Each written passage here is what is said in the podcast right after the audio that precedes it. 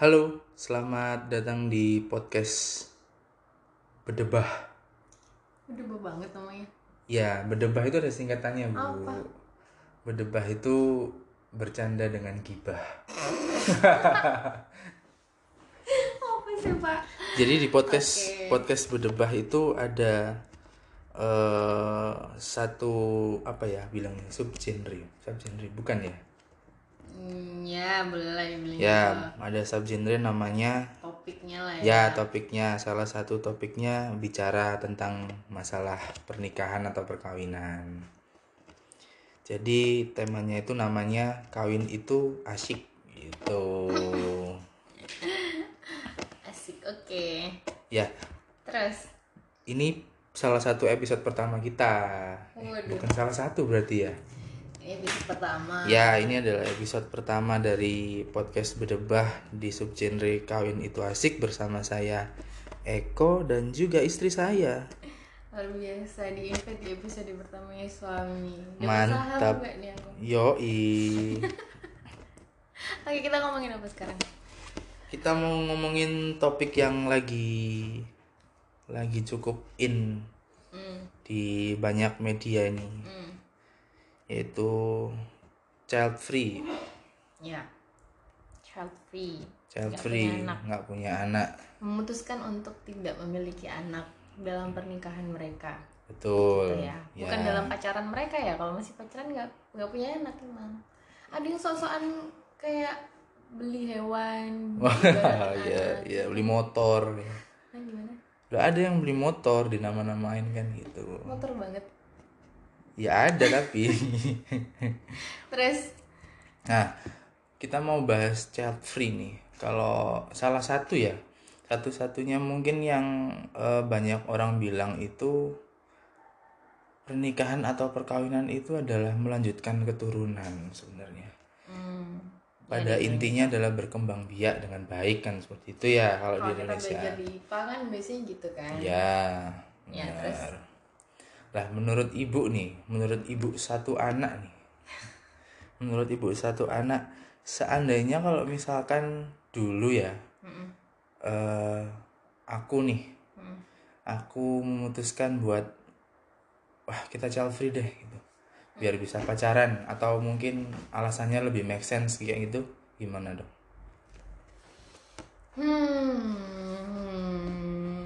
kalau aku pribadi kan emang aku orangnya suka anak kecil kan pak? Tahu sendiri kan nggak tahu kenapa. Kan emang dari dulu tuh suka anak kecil suka anak-anak. Jadi kalau buat aku pribadi keputusan child free itu bukan bukan keputusan yang akan aku ambil. Jadi ketika aku cari pasangan dan dia milih untuk child free it's okay buat dia. Maksudnya ya nggak apa-apa itu hakmu gitu loh. Tapi it doesn't meet for me. Nggak nggak cocok nggak Ya. suitable lagi sama aku. Jadi kayaknya kalau kamu memutuskan seperti itu dari awal waktu kita kenal mungkin kita nggak bakal lanjut. Mungkin. Mungkin ya, mungkin karena kita nggak pernah bahas ini deeper kan? Benar. kan kalau selama 26 tahun hidup sih sampai sekarang masih belum ada kepikiran untuk akunya child free. Tapi kalau ada orang yang memilih child free ya Ya nggak apa-apa. dia gitu. Nggak apa-apa. Tapi kalau misalnya aku disuruh berpasangan dengan orang yang memilih child free enggak deh kalau aku ya. Ya. daripada oke. harus bentrok Mm, mm, mm, haknya masing-masing Benar, benar, benar. gitu kamu ada kepikiran free dulu Nggak ada sih, cuman dulu itu kepikirannya eh, pengen punya waktu lebih banyak sama istri waktu pertama Hmm. nikah. dan Ternyata kan dikasihnya Cepat. cepat waktu itu. ya ya ya, ya. Ya itu aja, maksudnya bukan yang aku nggak pengen punya anak nih. mungkin lebih ke menunda kali ya Iya, nggak nggak nggak nunda-nunda juga sih sebenarnya. serba salah. Sebenarnya itu kalau aku Sebenarnya gini, menunda itu kan eh, akhirnya kita punya menentukan tenggat waktu tuh. hmm, misalkan nih eh, dari awal kita mau nunda setahun berarti kan kita setahun eh, safe play banget buat hal-hal yang seperti itu. Hmm, cuman kan eh, menurutku dulu itu eh, apa ya main-mainnya sama istri tuh nggak cukup banyak waktu gitu loh hmm, jadi ya kehitung cepet menurutku karena kan kita nikah di bulan hmm. bulan sekitar bulan eh bulan berapa ya bulan 10 ya mesti lupa loh sama kita nikah tanggal nih. kita nikah bulan 10 Tanggal.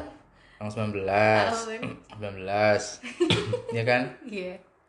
kita nikah bulan 10 kamu hamil Desember ya Ketahuan hamilnya Desember. ketahuan hamilnya tapi Desember Mens terakhirnya November. ya kan kita udah plan banyak tuh mau ke mana ke mana mau Iya. ke sini mau ke situ Sebenarnya itu apa ya menurut aku sih kalau buat orang Indonesia apalagi orang Jawa kata-kata menunda itu agak tabu nggak sih? ya Iya kan? Ada yang bilang menun jangan nunda punya anak, nunda rezeki gitu-gitu. kadang-kadang ada yang bilang malah kalau nunda anak nanti Dapetnya kebablasan malah. Kayak gitu-gitu itu kan bikin orang jadi takut sebenarnya. Padahal sebenarnya secara medis nggak apa-apa juga, Iya, secara psikologis nggak apa-apa juga karena emang waktu punya anak kan yang dibutuhin mental juga kan. benar Itu sih yang baru kita sadarin setelah punya anak. benar gitu kan. Cuman emang waktu dulu sih jujur jujur li jujurly. Honestly. Honestly. Sekarang lagi ramai ngomongin jujur, jujurly ya. Jujur li itu sebenarnya emang kita waktu itu takut untuk memilih menunda karena ya itu tadi kita kan masih masih jauh banget nih. Adalah ketakutan ketakutan kayak gitu. Jadi kita lebih kayak ya dikasih cepat alhamdulillah dikasih lama juga nggak apa-apa juga gitu. Nanti kita bisa usaha-usaha yang lain nih sampai tenggat waktu lamanya itu seberapa lama sih? Kayak gitu Ya, kan kita dulu betul. dealingnya seperti itu. Tapi sebenarnya setelah punya anak baru nih ada kepikiran kayaknya nunda oke juga gitu. Maksudnya kayak Hmm, punya quality time berdua yang Benar. halal itu lebih banyak itu juga lebih oke ya kan? Iya. Kayak gitu sih. Jadi lebih ke budaya sih sebenarnya. Padahal kalau orang-orang bule juga nggak ada masalah mereka nunda-nunda ya. Tapi sih kalau kita sendiri sih nggak nggak aku sih nggak terlalu maksudnya nggak terlalu apa ya nggak terlalu terkekang dengan budaya-budaya Jawa sih Hmm. sebenarnya. Selama itu bagus buat kita. Maksudnya nggak Iya, nggak banyak mudorotnya lah istilahnya yang penting itu yang dirasa memang kebutuhan buat pernikahan atau perkawinan ya enggak masalah. Sebenarnya sih di situ. Berhubung kita dulu dikasihnya cepat dan apa ya eh, ada stigma kalau kita kan anak dua anak kan anak tunggal nih sama-sama. Aku anak tunggal istri juga anak tunggal. Jadi banyak harapan orang tua itu yang hmm. eh, pengen kayak gini loh eh, kamu anak tunggal istrimu anak tunggal ya berarti anakmu harus banyak. Gitu. Kan setuju gak kamu? Anakmu harus banyak. Satu ditaruh di yang tinya sini satu taruh yang tinya setuju sini. nggak ya enggak. Karena dari awal menikah itu punya anak tanggung jawab yang besar buat saya gitu loh. Enggak ya harus realistis. Hmm. mengukur semuanya itu harus realistis gitu loh. Iya. Kalau aku sih eh, waktu setelah menikah akhirnya tidak memutuskan menunda karena emang lihat track record orang tua kita ya pak ya Benar. anaknya juga lama cukup gitu kan. lama Eh, mamaku juga dapetnya emang agak lama dua setengah tahun kalau kalau ibunya suami lebih banyak kegugurannya ya pak ya. Hmm. Jadi itu bikin kita agak eh, waspada sendiri Benar, sih ada ada warningnya di situ. Benar. akhirnya kita memutuskan nggak menunda tapi sedikasinya aja gitu. Jadi kayak lebih kalau dikasih cepet berarti emang udah dipercayanya cepet nih Iya. gitu. ternyata cepet dikasihnya teman-teman. Another bless itu another apa ya another test Benar, sih? benar. nggak ada rizki yang dikasih cuma-cuma Iya, pasti benar. ada tesnya di situ. Hmm, kayak gitu aja sih lebih ke mikir karena itu jadi ya ready or not pada akhirnya. Iya ya menikah itu memang ya kalau masalah anak ya menikah itu ready or not pada akhirnya ya. Iya menikah itu harus punya banyak pemakluman. Tapi menurutmu gimana untuk orang-orang yang child free? nggak apa-apa nggak masalah. Menurutku Orang yang child free itu orang kayak gimana dalam pandanganmu? orang yang child free itu eh apa ya Hmm, yang belum siap deh kayaknya secara mentality lah Belum siap untuk punya anak tapi siap untuk menikah. iya ha-ha. How come? Ya, ya apa mau maksudnya? ya gini loh Untuk apa dia menikah terus?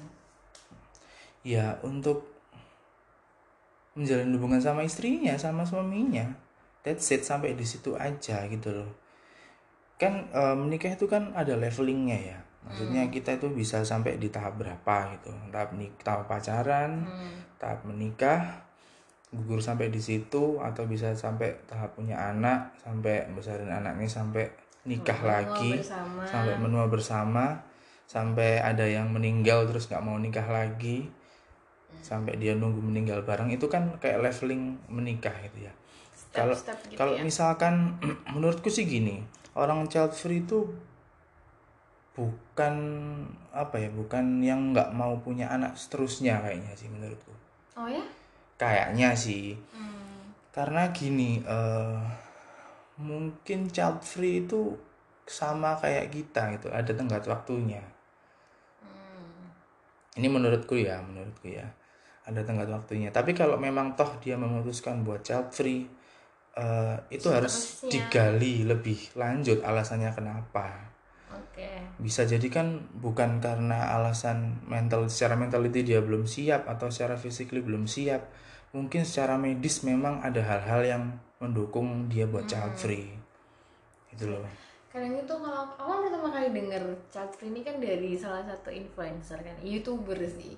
ya. Kita Saf kan. Dan ini emang lagi ramenya gara-gara dia apa ya bisa dibilang memproklamirkan di akun YouTube-nya bahwa dia dan suami memilih child free tapi dia tidak mau berdebat akan itu. Maksudnya dia cuma mau share nih kita berdua tuh milih child free karena eh, melihat fakta anak-anak zaman sekarang ya orang tuanya itu lebih apa ya secara nggak langsung tuh lebih tidak bertanggung jawab gitu loh pak maksudnya Mm-mm. kayak banyak. mereka sibuk kerja anaknya ditelantarin Mm-mm. anak anaknya eh, apa namanya akademisnya nggak oke tapi si Mm-mm. orang tuh cuma ngasih duit doang ke sekolah Benar. tapi nggak ngajarin kayak gitu gitu terus juga kayak layanan dari Indonesia sendiri yang ngasih apa ya fasilitasnya tuh kurang buat anak-anak kayak gitu gitu loh itu salah satu alasan mereka secara sadar milih buat child free literally child free jadi ya kan bukan berarti artinya kan em, eh, jadi ada ketakutan sendiri menjadi orang tua yang kurang bertanggung jawab pada anaknya ya toh Nah, kayak gitu. Terus jadi sejauh yang aku tahu sih dia nggak ada masalah kesehatan. Jadi Ya. karena ada atau mungkin dia nggak ngedeklar masalah kesehatan ya Mhm. cuman secara yang aku tahu sejauh yang aku tahu dia nggak ada masalah kesehatan tapi lebih secara sadar pertimbangan-pertimbangan itu tuh yang bikin dia child free aku tuh agak hmm, miss-nya tuh karena child free itu kan berarti dia benar-benar tidak hmm, apa memutuskan untuk tidak punya anak. Mm-mm. tapi bukan berarti dia nggak suka anak-anak. Ya paham. Tapi in the end of the day maksudnya tuh kayak kalau emang dia ngerasa kasihan banget anak-anak banyak yang telantarin dan sebagainya kenapa dia nggak ngangkat anak aja gitu loh? Nah itu yang jadi alasannya si Gita Saf. Ya enggak karena kita memang belum ada takut nggak bisa bertanggung Iya, jawab akan mm-mm. anak gitu loh jadi ngangkat anak itu bukan solusi. Jadi bener-bener dia tidak mau mengangkat anak tidak mau punya anak secara langsung. Ya kayak gitu. Jadi bener-bener nggak mau hidup dengan apa ya hidup dengan membesarkan anak gitu. iya sih. Di- gimana kalau kayak gitu menurut ya itu oke nggak apa-apa. Sebenarnya sih prinsip gitu prinsip itu apa ya beda-beda ya. Ada yang orang itu yang jadiin prinsip kalau misalkan aku eh, takut nggak bisa jadi orang tua yang bertanggung jawab nih. Hmm. dia malah provide ke anaknya itu. Jadi misalkan eh, oke kita punya anak banyak ya kita tunjukin ke semua orang kalau misalkan kita ini bisa jadi contoh orang tua yang baik bisa jadi seperti Ya. itu. Itu kan apa ya namanya? Reinforcement ya. Reinforcement. Penguatannya kan dari mana aja gitu loh. Oh beda-beda gitu loh. alasannya existingnya dari mana-mana. Kalau misalkan kayak gitu yang yang nggak ada masalah sih sebenarnya. Ketakutan apa kesepian katamu. Se- menurutku sih enggak sih. Selama mungkin ya ini mungkin ya. Mungkin dia menikah itu cukup dengan suaminya atau istrinya sendiri gitu loh ya aku ngerti sih pada akhirnya kita kan menua sama pasangan Iya. kita masing-masing kan cuman se- sebagai anak tunggal maksudnya kayak apa ya ngeliat orang tua kita tumbuh tua ya kan terus Iya, pasti mm. butuh bantuan di mana kalau dia sudah punya eh, keluarga sendiri iya mau minta mm. tolong ke siapa mau mau ke kakak adiknya atau keluarga iya besar juga tentu nggak tentu dibantu juga Mm-mm. gitu beda ketika kita minta tolong ke anak. Walaupun Iya, juga mungkin akan ada anak-anak yang kayak ya mungkin nggak bisa 100% Mm-mm, cuman tapi ya. kan- ya nggak tahu ya rasanya tuh kayak beda aja gitu loh pak. Ini menurut aku beda sama orang-orang yang milih. Maksudnya dia tidak mau punya anak secara alamiah tapi dia mau ngangkat anak. Menurut aku itu nggak child free. Menurutmu child free nggak? Mm, nggak juga sih child free itu kan yang bener-bener memang nggak punya Iya, anak ketika- yang yang dia tidak mengasuh anak itu karena loh. ada loh yang kepikiran kayak aku nggak mau ngelahirin anak lagi karena terlalu banyak anak yang ditelantarin. Nah aku pengen nih anak yang ditelantarin itu jadi anakku aja gitu. Ada yang mikirin kayak gitu tapi menurut aku itu bukan child free ya nggak sih? Karena dia masih ingin membesarkan anak itu maksudnya Iya. mendidik anak itu secara baik dan benar dan ngasih kesempatan dia untuk mendapatkan kasih sayang keluarga itu nggak free sih menurut aku. Ya bisa bisa. Cuman eh, apa ya? Buat sebagian orang yang tidak punya eh, yang maksudnya yang sudah punya keluarga yang bahagia gitu Hmm. yang secara medis dia tidak punya permasalahan terhadap reproduksi ya kan? Mengangkat anak itu ya memang harus dipikirin gitu. Iya iya, aku banyak yang dipertimbangin sih. Tapi menurut aku orang-orang yang child free itu mungkin karena kita belajar psikologi ya, Mm. ada permasalahan-permasalahan psikologi sih dia mungkin inner childnya iya benar atau mm, pengalaman apa gitu yang kita nggak ngerti ya karena nggak diceritain detail. Karena aku tuh orangnya percaya sama life stage development. Masih inget gak sih? Masih masih. Psikologi psikologi perkembangan. Jadi Mm. manusia itu hidup itu kayak ada step-stepnya ada tahapnya. Harus memenuhi kebutuhan kebutuhannya ketika salah satu tahap perkembangannya tidak terpenuhi itu akan ada sesuatu yang hilang benar. yang bikin dia nggak bermasalah akhirnya. sehat secara psikis. Benar. Kayak gitu sih. Jadi menurut aku pribadi kalau apa yang namanya? Kalau ketika kamu memutuskan menikah akan ada step untuk jadi iya orang tua. makanya ada gitu. levelingnya tadi toh. Ketika kamu stop sampai di pernikahan menikah itu doang, mm.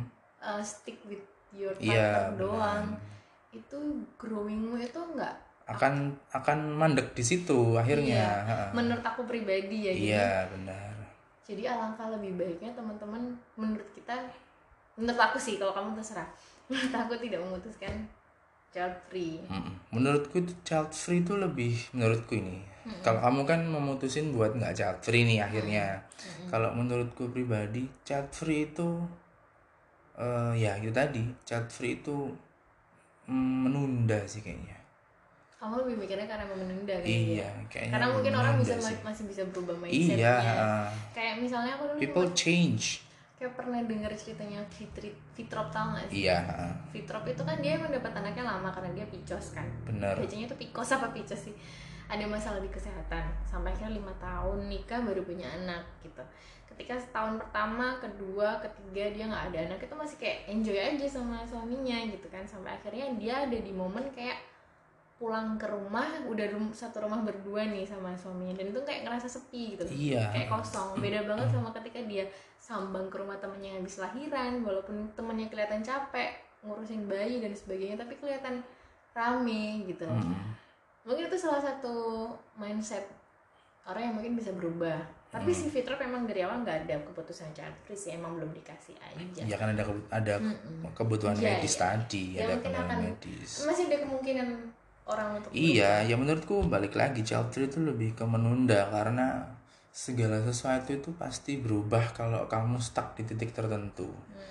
Mau nggak mau, ketika kita mentok nih jalan kita mentok, paling nggak kan kita harus belok ke kiri, belok ke kanan atau putar balik buat mencari jalan yang baru. Nah, ya kalau misalkan kamu mutusin buat child free sama pasanganmu, kalau pasanganmu oke menerima keputusanmu ya nggak masalah. Tapi mungkin kalian bakalan ada di titik kayak itu tadi, di Ya. titik kalian akan stuck di situ dan harus mencapai kebutuhan-kebutuhan baru, pencapaian-pencapaian baru, ya akhirnya itu harus dilakuin biar nikahmu itu bisa growth gitu loh, bisa tumbuh. menurut kita sih kayak gitu Mm-mm. karena kita emang orangnya belajar tiap orang itu akan selalu ya berkembang, berkembang, bertumbuh, bertumbuh. gitu kan akan ada challenge challenge yang lain. Walaupun memang orang yang milih child free sama suaminya aja terus istrinya aja tetap akan ada challenge challenge-nya iya tapi menurut kita challenge-nya tidak akan se apa ya level up gitu loh benar. menurut Mm, kita. benar. gitu. Dan kamu kan pernah bilang ke aku kan sebenarnya child free nggak apa-apa emang orang kan tujuannya mereka nggak cuma berkembang biak doang. Iya heeh. iya gitu ya iya emang nggak akan tujuannya nggak cuma berkembang biak doang tapi salah satu menurut aku pribadi tujuan menikah bisa berkembang biak supaya kita growth Mm-mm. gitu. Itu tapi menurut kamu gimana kalau ada orang yang eh, apa namanya milih child free terus ada yang komen jangan child free lalalalalala gitu. Ya karena Etis mereka eh, sebenarnya lebih ke preferensi sih. Makanya kan kita di eh, disaranin di eh, apa ya disaranin buat kalau menghadapi apa-apa itu harus dengan yang kepala yang dingin informasi yang jelas biar ndak apa ya ketutup sama ego sendiri. Istilahnya kan seperti itu. Ya. makanya kita kalau misalkan ada informasi kayak gitu harus digali lebih lanjut. Ini alasannya kenapa nih? Hmm. gitu loh. Bisa jadi kebutuhan mereka itu nggak sama sama kebutuhan orang lain. Betul orang kan beda-beda ya. Iya startnya nggak sama finishnya juga nggak sama. Makanya nggak boleh istilahnya tuh ngebandingin diri sendiri sama orang lain karena semuanya kebutuhannya beda preferensinya beda Iya. Kalau aku sih pertama applause dulu sih sebenarnya sama orang-orang kayak kita self, kayak orang-orang di luar sana yang mungkin milih iya heeh. milih untuk child free. Cuman yang jadi kita nggak mengiyakan loh ya kita Iya. cuman kayak apa ya itu adalah keputusan berani ketika Iya, kamu mendeklar sesuatu yang berbeda iya dari sekitar proud kamu. gitu Mm-mm. Itu kita uh, apa sih namanya? Ya amazed aja sih sama orang-orang yang mendeklirkan itu Mm-mm. karena nggak bisa bayangin kalau aku pribadi nggak bisa bayangin harus menghadapi keluarga terus bilang iyo heeh. aku child free he ngono kan ojo takut kapan dua anak ae kayak nggak bisa bayangin gitu terus Tapi- tekanan batinnya psikologis ya Iya. kan ketika dia mungkin ngobrol lagi ngumpul sama temennya temennya lagi cerita anaknya banyak bawa anak ya kan itu harus punya mekanisme Apalagi- defense yang luar biasa apalagi kalau orang-orang kayak influencer gitu kan yang bakal tahu Iya. opininya dia lebih banyak jadi Bener. lebih banyak orang juga yang akan komen ke situ. sering ke expose media kalau menurut aku mendeklar aja nggak masalah selama itu tidak meninfluence orang untuk Benar, harus ikut ya. seperti dia Masuk dan akal. ketika ada orang yang milih free ya nggak apa-apa sih selama nggak ganggu hidup aku juga toh dia juga nggak apa ya nggak nyebut kalau punya anak itu salah gitu enggak kan Tapi beb, ini yang jadi masalah. Aku tiba-tiba kepikiran nih. Ketika orang lain milih child free, kita kan gak ada masalah nih. Karena kan ya udah pilihan dia nggak mempengaruhi hidup kita juga. Mm. Your life is your life, Iya. our life is our life. Tapi kalau misalnya itu terjadi ke anak kita beb, kayak Afkar, finally dia punya istri, ternyata istrinya milih child free. Setelah mereka discuss, dia setuju juga untuk child free. nggak masalah aku Really? Iya Padahal itu ya gini eh, sebagai seorang orang tua dan saya punya satu anak cowok itu saya mendeklar diri saya sendiri ketika anak itu lahir bahwa saya akan nyaranin kamu untuk hal-hal yang baik menurut saya hmm. gitu loh. tapi untuk keputusannya pengambilan keputusannya akan semuanya di tanganmu sendiri Huh. karena eh, kamu kamu dengan hidupmu saya dengan hidup saya gitu loh. Mau dia eh, istilahnya nih ya mau dia ke- di kemudian hari pindah agama. Nazubillah dulu sih. Mau Boleh dia dulu? tatuan ya kan? Mau dia mengambil apa ya istilahnya? Ya balik lagi teman-teman. Ada distract sedikit dari Gojek. Eh ya Gojek. Di Grab. Dari Grab eh, kirim apa nggak tahu. Ya jadi eh, aku dulu nih belum selesai. Tadi kamu bilang apa? ya kan kalau misalkan kita udah kasih semua pandangan kita tentang hal yang baik nih ke anak ke Afkar gitu kan ya. Hmm.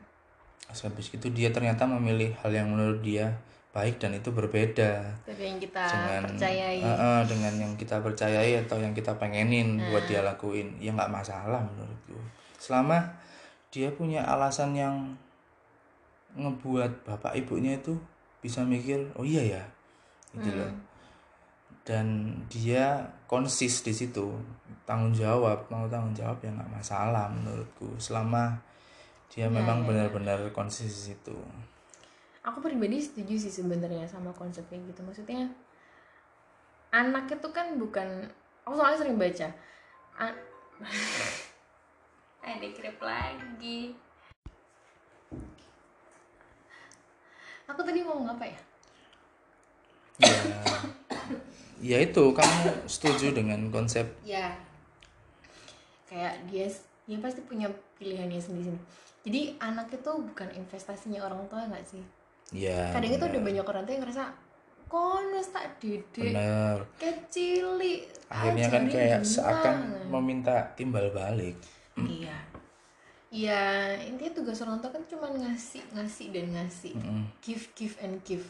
Nggak boleh berekspektasi untuk take anything. Benar. Kayak gitu. Tapi memang sangat sangat dibutuhkan hati yang besar sekali buat orang tua untuk bisa Mm-mm. ikhlas sama pun pilihan anaknya karena memang orang tua kan pasti karena mungkin kita ngerasa kayak aku tuh pernah kita tuh pernah muda kan. kita tuh ngajarin kamu baik supaya kamu nggak ngelakuin kesalahan yang pernah kita buat Mm-mm. atau malah worse dan that lebih lebih parah dari yang kita pernah buat gitu ada kan pasti ekspektasi ekspektasi kayak gitu kan tapi anak kan ada yang bilang anak kita itu adalah anak pada zamannya gitu loh Mm-mm. jangan karena kita ngerasa pernah terjun lebih dulu terus Iya, ngerasa yang paling benar. tahu Hmm. gitu kayak gitu sih. Jadi memang kita sih kita berdua itu sepakat untuk eh, balikin semuanya ke anak. anak pada akhirnya pilihannya. Kita tujuannya cuman give give give ngasih tahu kalau kamu milih ini itu nanti konsekuensinya kayak gini loh gitu kan. Mm, mm. kalau kamu milih gini tuh kenapa sih kita mencoba untuk melarang karena gini loh kayak Iya. kasih alasannya.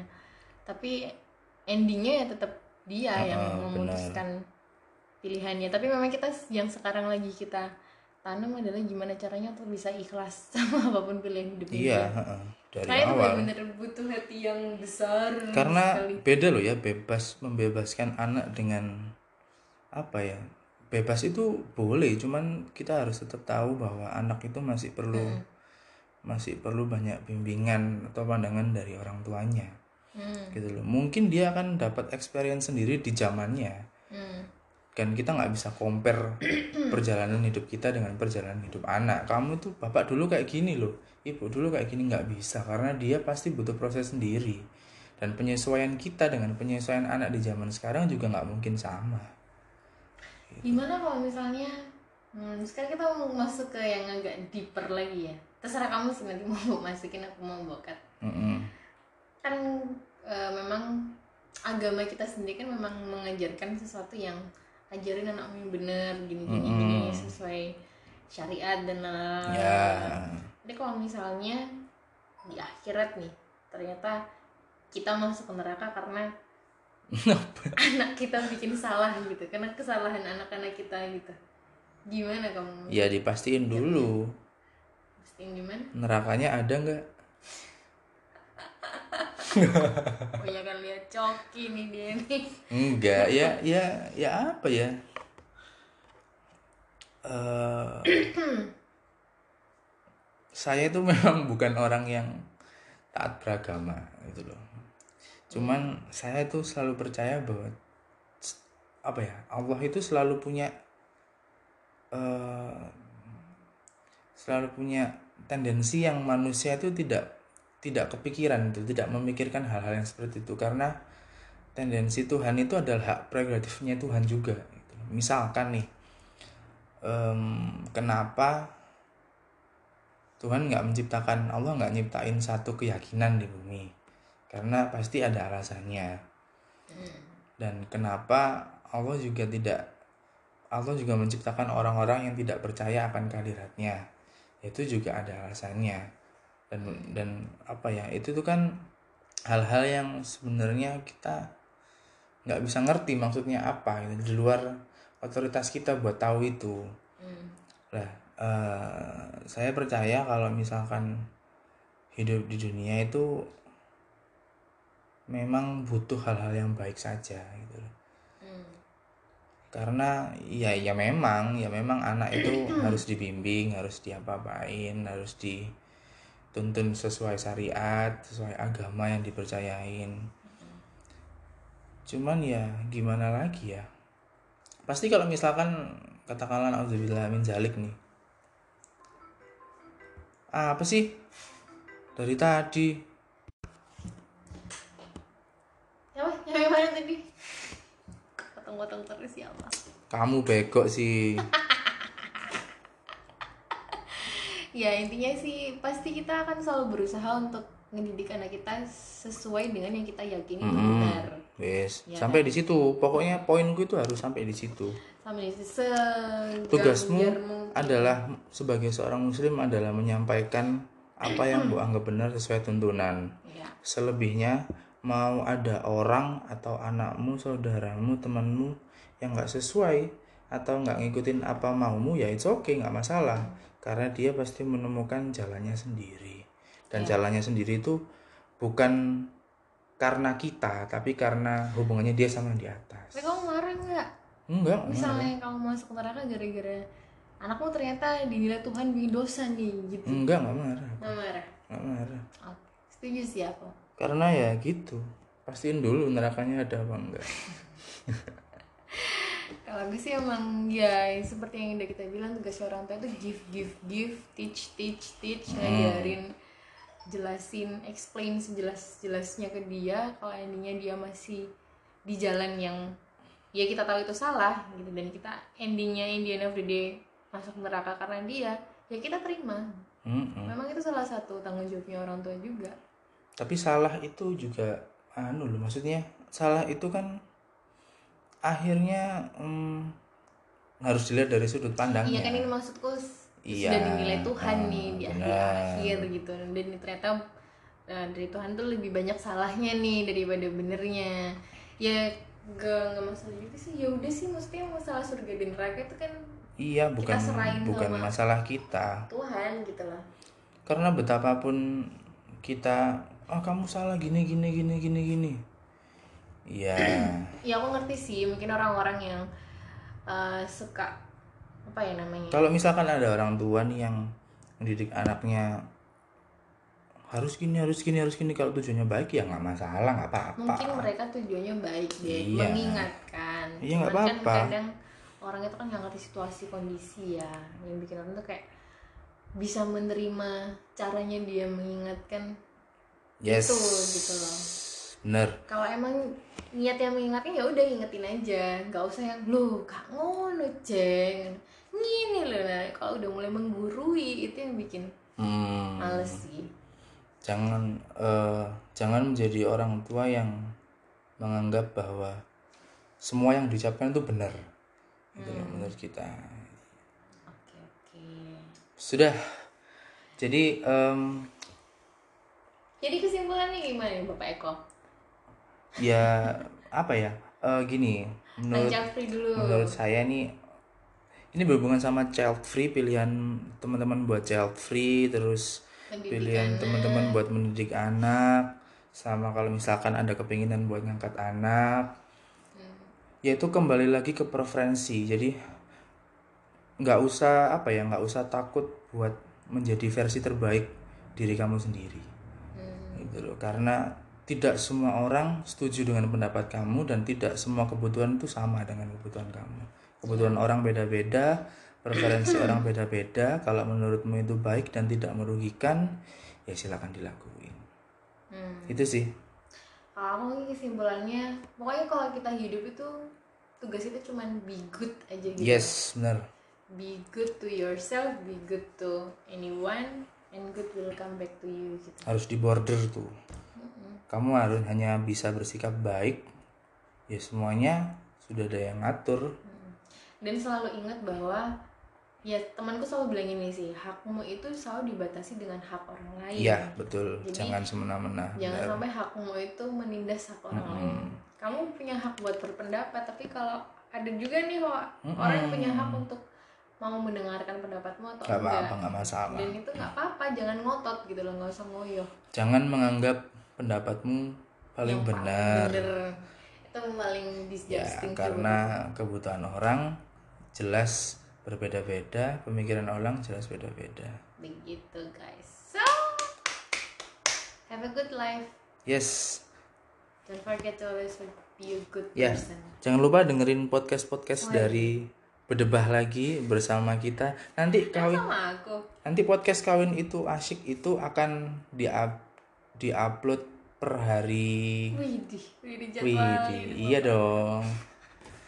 Nanti- sibuk banget nih bapak Ya lumayan. Jadi di podcast kan? podcast Bedebah itu nanti kita bakalan banyak program.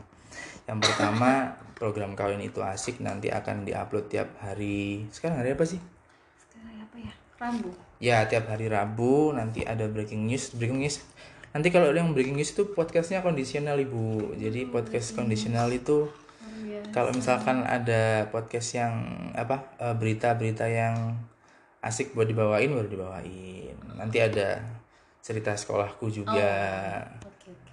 Luar biasa banyak loh konsepnya Bapak Eko ini. Yes, semoga lancar terus rezekinya. Jangan lupa dengerin podcast berdeba biar Padahal nanti iklannya di sini mas. nanti biar bisa dimonetize dong. Itu. YouTube dong mbak. Loh, podcast bisa dimonetize juga, Bu.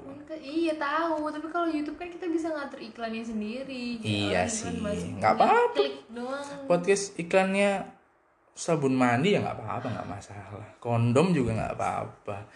Sapu ijuk juga nggak masalah. Kita juga semuanya kok. Oke, saya Eko dan istri saya. Ariska. Bye bye.